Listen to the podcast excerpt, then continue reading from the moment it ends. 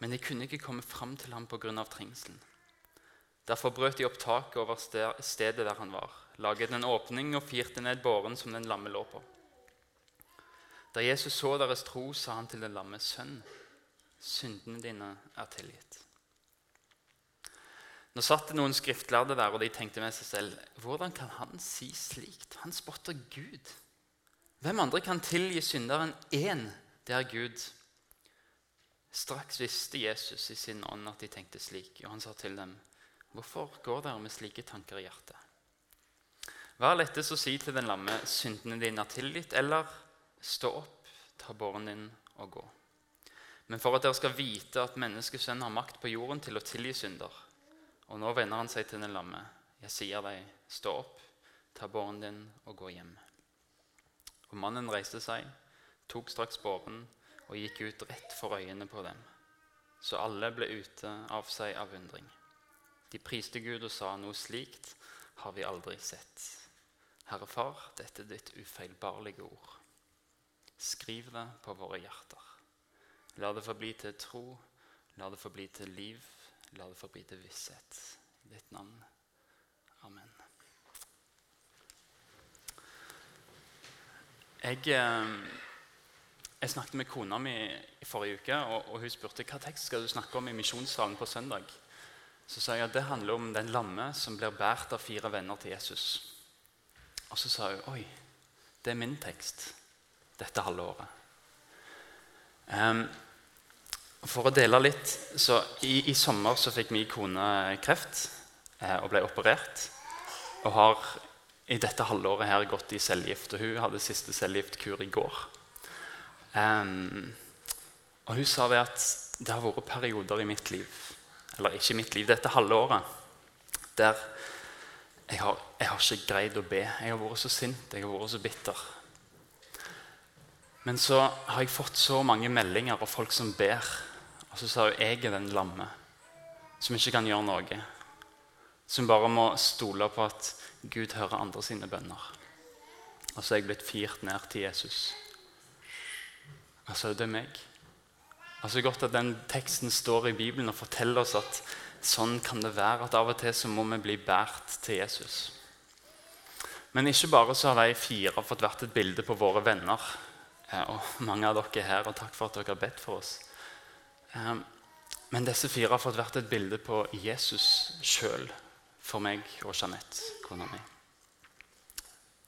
Den dagen hun ble operert, så, så, tenkte vi skal vi sende ut melding til vennene nå og spørre om forbønn. Men så var det seint på, på, natta hun ble operert, klokka halv to. Um, så vi sa ok, vi venter til, til, i morgen, så får folk en god natts søvn i stedet for at vi skal holde folk våkne hele natta. Og Da sendte vi ut melding på morgenen når hun var ferdig operert og lå på oppvåkning. Så sendte jeg ut melding og sa hva som hadde skjedd, og spurte om forbønn. Og da var det ei som sa det. Dette her er helt utrolig, sa jeg. Men i natt så vekte Gud meg opp tre ganger og sa du må be for Jeanette. Altså Sjøl når vi ikke greide å legge ting framfor Gud, så bar Gud sjøl hun fram i bønn. Jesus sjøl bar Jeanette fram i bønn. Hebreabrevet 7 så står det men Jesus har et prestedømme som ikke tar slutt. Fordi han er og blir til evig tid. Derfor kan han også fullt og helt frelse dem som kommer til Gud med han. Fordi han lever alltid, nei, han alltid lever og går i forbønn for dem.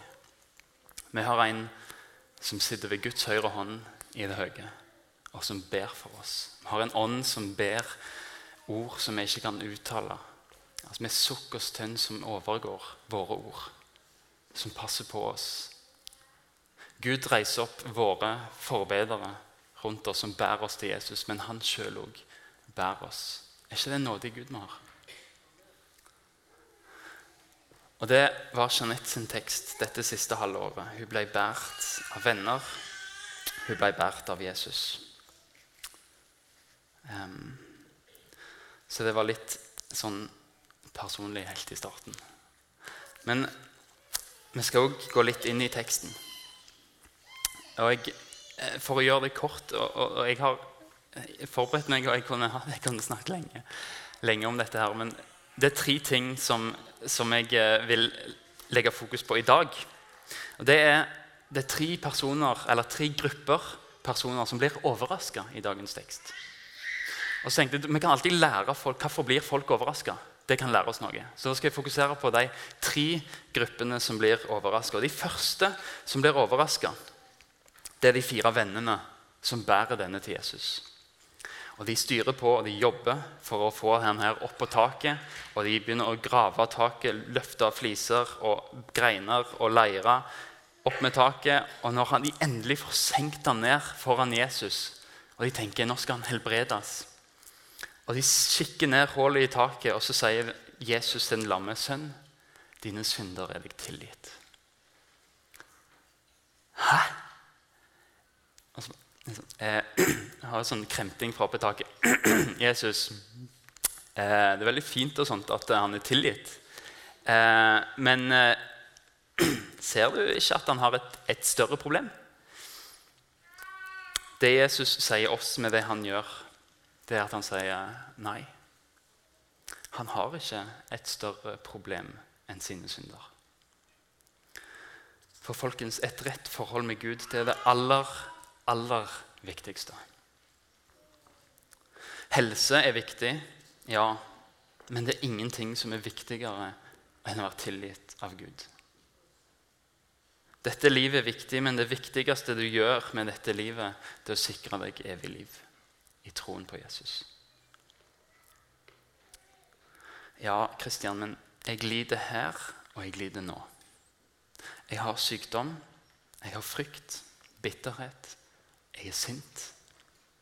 Det er det viktigste jeg går og kjenner på nå. Gud og sånn er viktig, ja, men, men skal ikke min, min, situasjon skal ikke den få bety noe som helst? den? Jo, men du trenger en relasjon, en god relasjon til Gud som far. For hvis du blir helbreda, så vil du bli syk igjen. Hvis Gud tar bort bitterheten din, så vil du bli bitter igjen. Hvis han tar vekk frykten din, så vil du bli redd igjen på et tidspunkt. Men hvis du har Gud som far, så vil du ha en som går med deg gjennom alt. En som bærer deg gjennom det. Og du ser den velsignelsen som det er å få tilgitt sine synder Uten den så kan du ikke nyte noen andre velsignelser, tror jeg. Du kunne fått helbredelse, men likevel måtte vi tilbrakt en evighet borte fra Guds kjærlighet, fra Guds liv. Tilgivelse det er det dypeste behovet. Du kan se for deg at du har tannpine i mange uker, og du går konstant og har vondt. Og til slutt så blir nesten smerten en del av deg, og du tenker ikke så mye på det. Det bare er vondt, og det bare er sånn. Og så går du til tannlegen. Han trekker ut tanna, og plutselig er smerten borte. Sånn er det å føle seg tilgitt. Når en tannpine slutter fordi tanna er borte. Du merker at du hadde mer smerter enn det du trodde. Det er bare blitt en del av deg. Du merker det først når den tanna er borte, når årsaken er borte. Tilgivelse kan gi deg den følelsen. Jesus vil sette deg fri til å leve et liv i overflod. Sette deg fri til å ikke leve under frykt, under bekymringer, men sette deg fri til å leve med et evig liv som mål.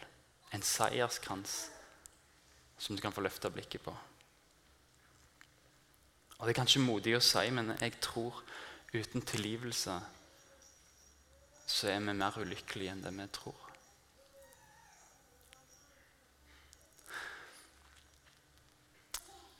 Guds tilgivelse er garantien for alle andre velsignelser. Ikke her og nå i dette livet, nødvendigvis, men i det evige livet.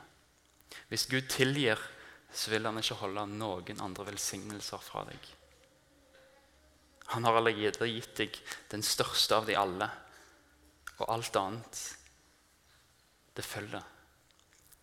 Romerne 8. Vi vet at alt tjener til det gode for den som elsker Gud. Dem han har kalt etter sin frie vilje. Hva skal vi si til dette? Er Gud for oss? Hvem er da imot oss?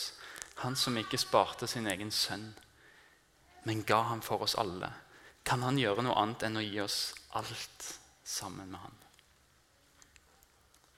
Hvis Gud, hvis Jesus har fått tilgitt deg, så er alt mellom her og himmelen under Guds kontroll. Sånn at alt, til og med lidelse og sykdom, tjener til det gode. Det er ikke alltid vi forstår det, men vi kan få hvile i det. De neste som blir overraska i denne teksten, det er de skriftlærde. De skriftlærde de hadde ikke truffet Jesus før. Dette var første møte deres med de skriftlærde. Jeg ser for meg at Kanskje har de sett Jesus, eller hørt Jesus helbrede, og så har de sendt ut en delegasjon for å finne ut hvem er denne fyren her. Hva skal vi tenke om denne Jesus? En spaningsfølge for å finne ut hvem denne karen var. Og så Jesus snakker, og så plutselig ser de at det begynner å drysse altså ting i hodet på Jesus. Og Plutselig kommer hele taket, og det kommer en lam ned på ei båre. Og Da går Jesus hen og så sier han, 'Sønn, dine synder er deg tilgitt'. Det som skjer da, det er at kirkekaffen går i vrangstupen på de skriftlærde. Hvem er det han tror at han er? Hvem kan tilgi synder utenom Gud? Dette er blasfemi. Og du vet, De, de skriftlærde hadde rett. Det er bare Gud som kan tilgi synder. For all synd mot mennesket det er synd mot skaperen, det er mot Gud. Å krenke et annet menneske det er synd mot han som har skapt det mennesket. Og Da er det bare Gud som kan tilgi synder. Men ved å si til den lamme at 'dine synder er tilgitt', så trer Jesus inn i Guds rolle. Og så viser han det han sier at 'jeg er faktisk Gud'. Og Jesus vet i sitt innerste hva de skriftlærde tenker. Og så konfronterer han dem på en ganske briljant måte. Han sier, 'Hvorfor går dere med sånne tanker i hjertet?' Hva er lettest å si til den lamme 'syndene dine er tilgitt', eller 'stå opp og ta båre og gå'? Hva er svaret på det spørsmålet, egentlig? For oss så er ingenting lett. Kan vi tilgi foran Gud? Kan vi få en lam til å gå? Kanskje kan vi si at vi tilgir foran Gud. Det er ikke så lett å sjekke, men å få en lam til å gå Men poenget er at Gud kan. Og Hvis han kunne helbrede, så kunne han også tilgi. For det var nært knytta sammen, trodde jødene. Sykdom var en straff for synd, og synd og sykdom ble sett på som to mynter av samme sak. Og Jesus sier til dem, 'Vil dere vite om jeg har makt til å tilgi synder?' Så se på dette. Og så vender han seg til den lamme og så sier han, 'Jeg ser deg. Stå opp. Ta båra di og gå hjem.' Jesus sier, 'La meg fortelle deg hvorfor jeg helbreder denne mannen her.'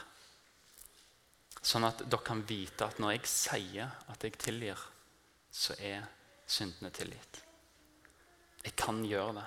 Jeg har autoritet til å gjøre det bare Gud kan gjøre. De skriftlærde de var helt sikkert klare til å steine Jesus. For det var straffen i Mosebøkene for blasfemi. Steining til døde. Men de må, de må ha vært forundra når de ser den lamme gå hjem. Var han virkelig den han sa han var? Men de var harde av hjerte, og de raste mot Jesus. Vi må gjøre noe med han. Er han Gud i kjøtt og blod? Det kan ikke stemme. Han er en blasfemiker. Vi må kvitte oss med han her. Ved å tre inn i rollen som Gud, med å si at 'jeg tilgir deg', så visste Jesus at han signerte sin egen dødsdom. Han var klar over at dette kom til å lede til forfølgelse, til arrestasjon og til korsfestelse. Og Det var som blasfemiker at det jødiske rådet ville dømme han i påsken. Og Jesus visste nok at på sikt så ville det koste han livet å tilgi denne mannen. Å tre inn i Guds rolle og si 'du er tilgitt'. Men han visste òg at det kom til å koste han livet å tilgi deg. Å sone for din straff under Guds vrede måtte føre Jesus til korset. Og han visste det. Men han så den muligheten, og så greip han den. Det er min mulighet til å tilgi den som jeg elsker.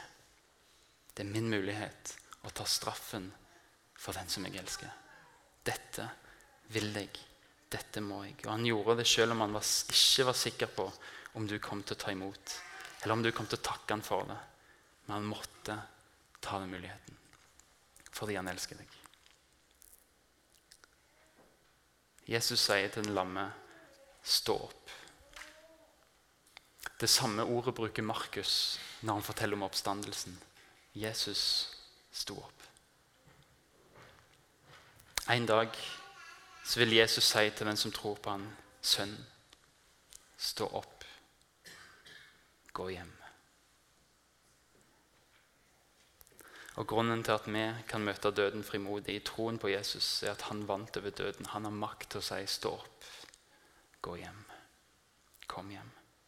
Han som er dødens herre, kan gi oss å stå opp. Sånn at vi, akkurat som den lamme, skal få lov til å stå opp og gå hjem. Markus peker fram mot den sannheten òg. De skriftlærde hadde rett i at en blasfemiker måtte bli dødsdomt, men de overså den andre logiske muligheten. Det er at Jesus var Gud.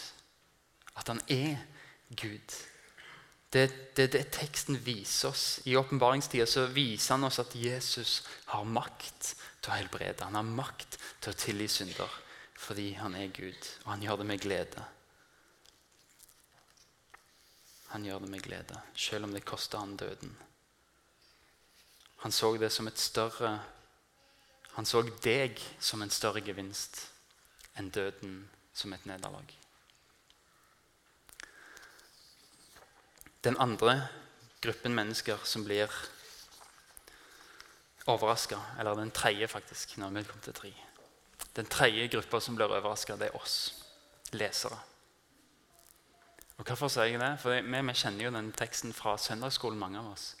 Men hvis jeg hadde lest denne teksten, eller jeg hadde lest hele Bibelen og aldri lest denne teksten før Hvis det er første gang jeg leser denne teksten, så hadde jeg blitt overraska første gang jeg hørte den. Fordi den som kjenner Bibelen, den vet at tilgivelse det følger bekjennelse og omvendelse. Du omvender deg, du bekjenner, og så tilgir Gud. Han er trofast og rettferdig, så han tilgir oss når vi bekjenner. Men i denne historien så har du plutselig en mann som ikke bekjenner. Han ber ikke om tilgivelse, men allikevel så blir han tilgitt. Hva som skjer her? For leserne så er dette overraskende. Men for Markus så er det ikke overraskende. Han skriver ikke som om det er noe nytt som skjer. Han skriver ikke som om Jesus innfører noe, en ny ting om at du trenger ikke bekjennelse. du trenger ikke omvendelse. For, men jeg tror han skriver en forklaring i vers 8. Straks visste Jesus i sin ånd at de tenkte slikt. Hva visste han? Det ser vi i vers 6. Nå satt noen skriftlærde der og tenkte med seg selv. De tenkte inni seg, og Jesus visste det. Han kunne høre tankene deres. Og Sånn tenker jeg at Jesus òg kunne lese den lamme mannen sine tanker og ønsker. Jeg tror at han lå på båra med et uuttalt ønske om å få gjøre opp den tannpinen, den synden, skylda hans, skammen hans. En holdning mot Jesus der han håpte at jeg håper Jesus kan hjelpe meg med dette. Med følelsen av å aldri nå opp, med følelsen av å konstant gå rundt med skyldfølelse og skamfølelse. Og så tror jeg Jesus er så nådig at han, han leser hjertet. Han ser at det er delt, at troen er fragmentert, men han ser òg et ønske om tilgivelse, et ønske om forsoning. Et ønske om å få ting rett med Gud. Og så er det nok for Jesus. Det er nok til å svare han. Det er faktisk så imøtekommende Jesus er med tilgivelse og med nåden. Han venter ikke på at denne mannen skal gjøre det rette. Han venter ikke på at denne mannen skal krysse av alle boksene i skjemaet luthersk, evangelisk, roseniansk lekmann. Han venter ikke. Han leter etter åpningen. Hvor er åpningen jeg kan tilgi? Han er offensiv med nåden. Jesus vil tilgi. Jesus vil. Vi lærer våre barn og elever opp til å si 'vær så snill' etter et spørsmål. Eller til å rekke opp hånda. Til å knekke de rette kodene for å få respons hos folk. Jesus er ikke sånn. Jesus er som faren i lignelsen om sønnen som kom hjem. Han står ikke pent og venter med døra og venter på beklagelsen og bekjennelsen av at sønnen skal tigge om å få komme hjem. Han springer imot sin sønn lenge før bekjennelsen kommer. Han elsker ikke sønnen sin fordi han bekjenner sine synder. Men sønnen kan bekjenne sine synder fordi han er elsket av far. Jesus kom til jorda for å komme med nåde og tilgivelse, og han venter ikke med det. Med en gang han ser muligheten for det, så vil han springe han i møte, full av lengsel etter barnet som kommer hjem. Jesus lengter etter å tilgi deg. Du trenger ikke krysse av de rette boksene. Han vil springe deg i møte. Vil du ta imot det? Han står med åpne armer og er klar for å tilgi. Vil du takke nei til han?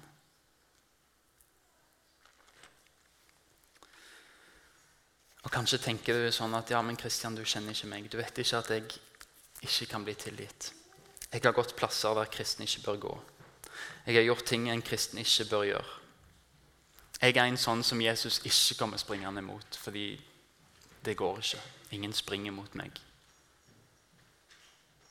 Jeg blir avvist. Jeg tror jeg blir utelukka fra nåden. Og Hvis jeg står fram med hvem jeg er, og hva jeg har gjort, så finnes det ikke håp for meg. Vet du, Før Jesus helbreder en lamme i dagens tekst, så har han helbredet en spedalskein. En som ble kasta ut av samfunnet fordi han var sjuk, veldig smittsomt, urein. Han var ikke velkommen inn i byen. Ingen ville ta på han, for da ble de ureine eller sjuke. Vet du hva Jesus gjør? Jesus tar på han. Han blir ikke urein, men den ureine blir rein det er Jesus. Han er den første som på mange år tør å ta på den spedalske. Og så sier han, 'Jeg vil bli frisk'. Og Her er en lam som ingen kan hjelpe, men Jesus tilgir og helbreder. Hva er det Markus forteller deg? Det er ingen som er utenfor hans rekkevidde. Ingen utenfor Jesus' i rekkevidde. 5. Mosebok 30, vers 4. Om du så er drevet bort til himmelens grenser, skal Herren din Gud samle deg derfra. Og derfra skal han hente deg. Det finnes ikke noe sted Jesus ikke kan reise deg opp fra. Det fins ingen gjørme som er så djup at han ikke kan løfte dine føtter på fast fjell. Du er aldri utenfor hans rekkevidde. Aldri. Vi tar med oss de siste ordene fra Jesaja 59,1 c. Herrens hånd er ikke for kort til å frelse, og hans øre er ikke for tungt til å høre. Ta det til deg. Du er aldri utenfor hans rekkevidde. Herre Far, tusen takk for ditt ord, som kan bære oss gjennom liv, som kan bære oss gjennom lidelse og sykdom.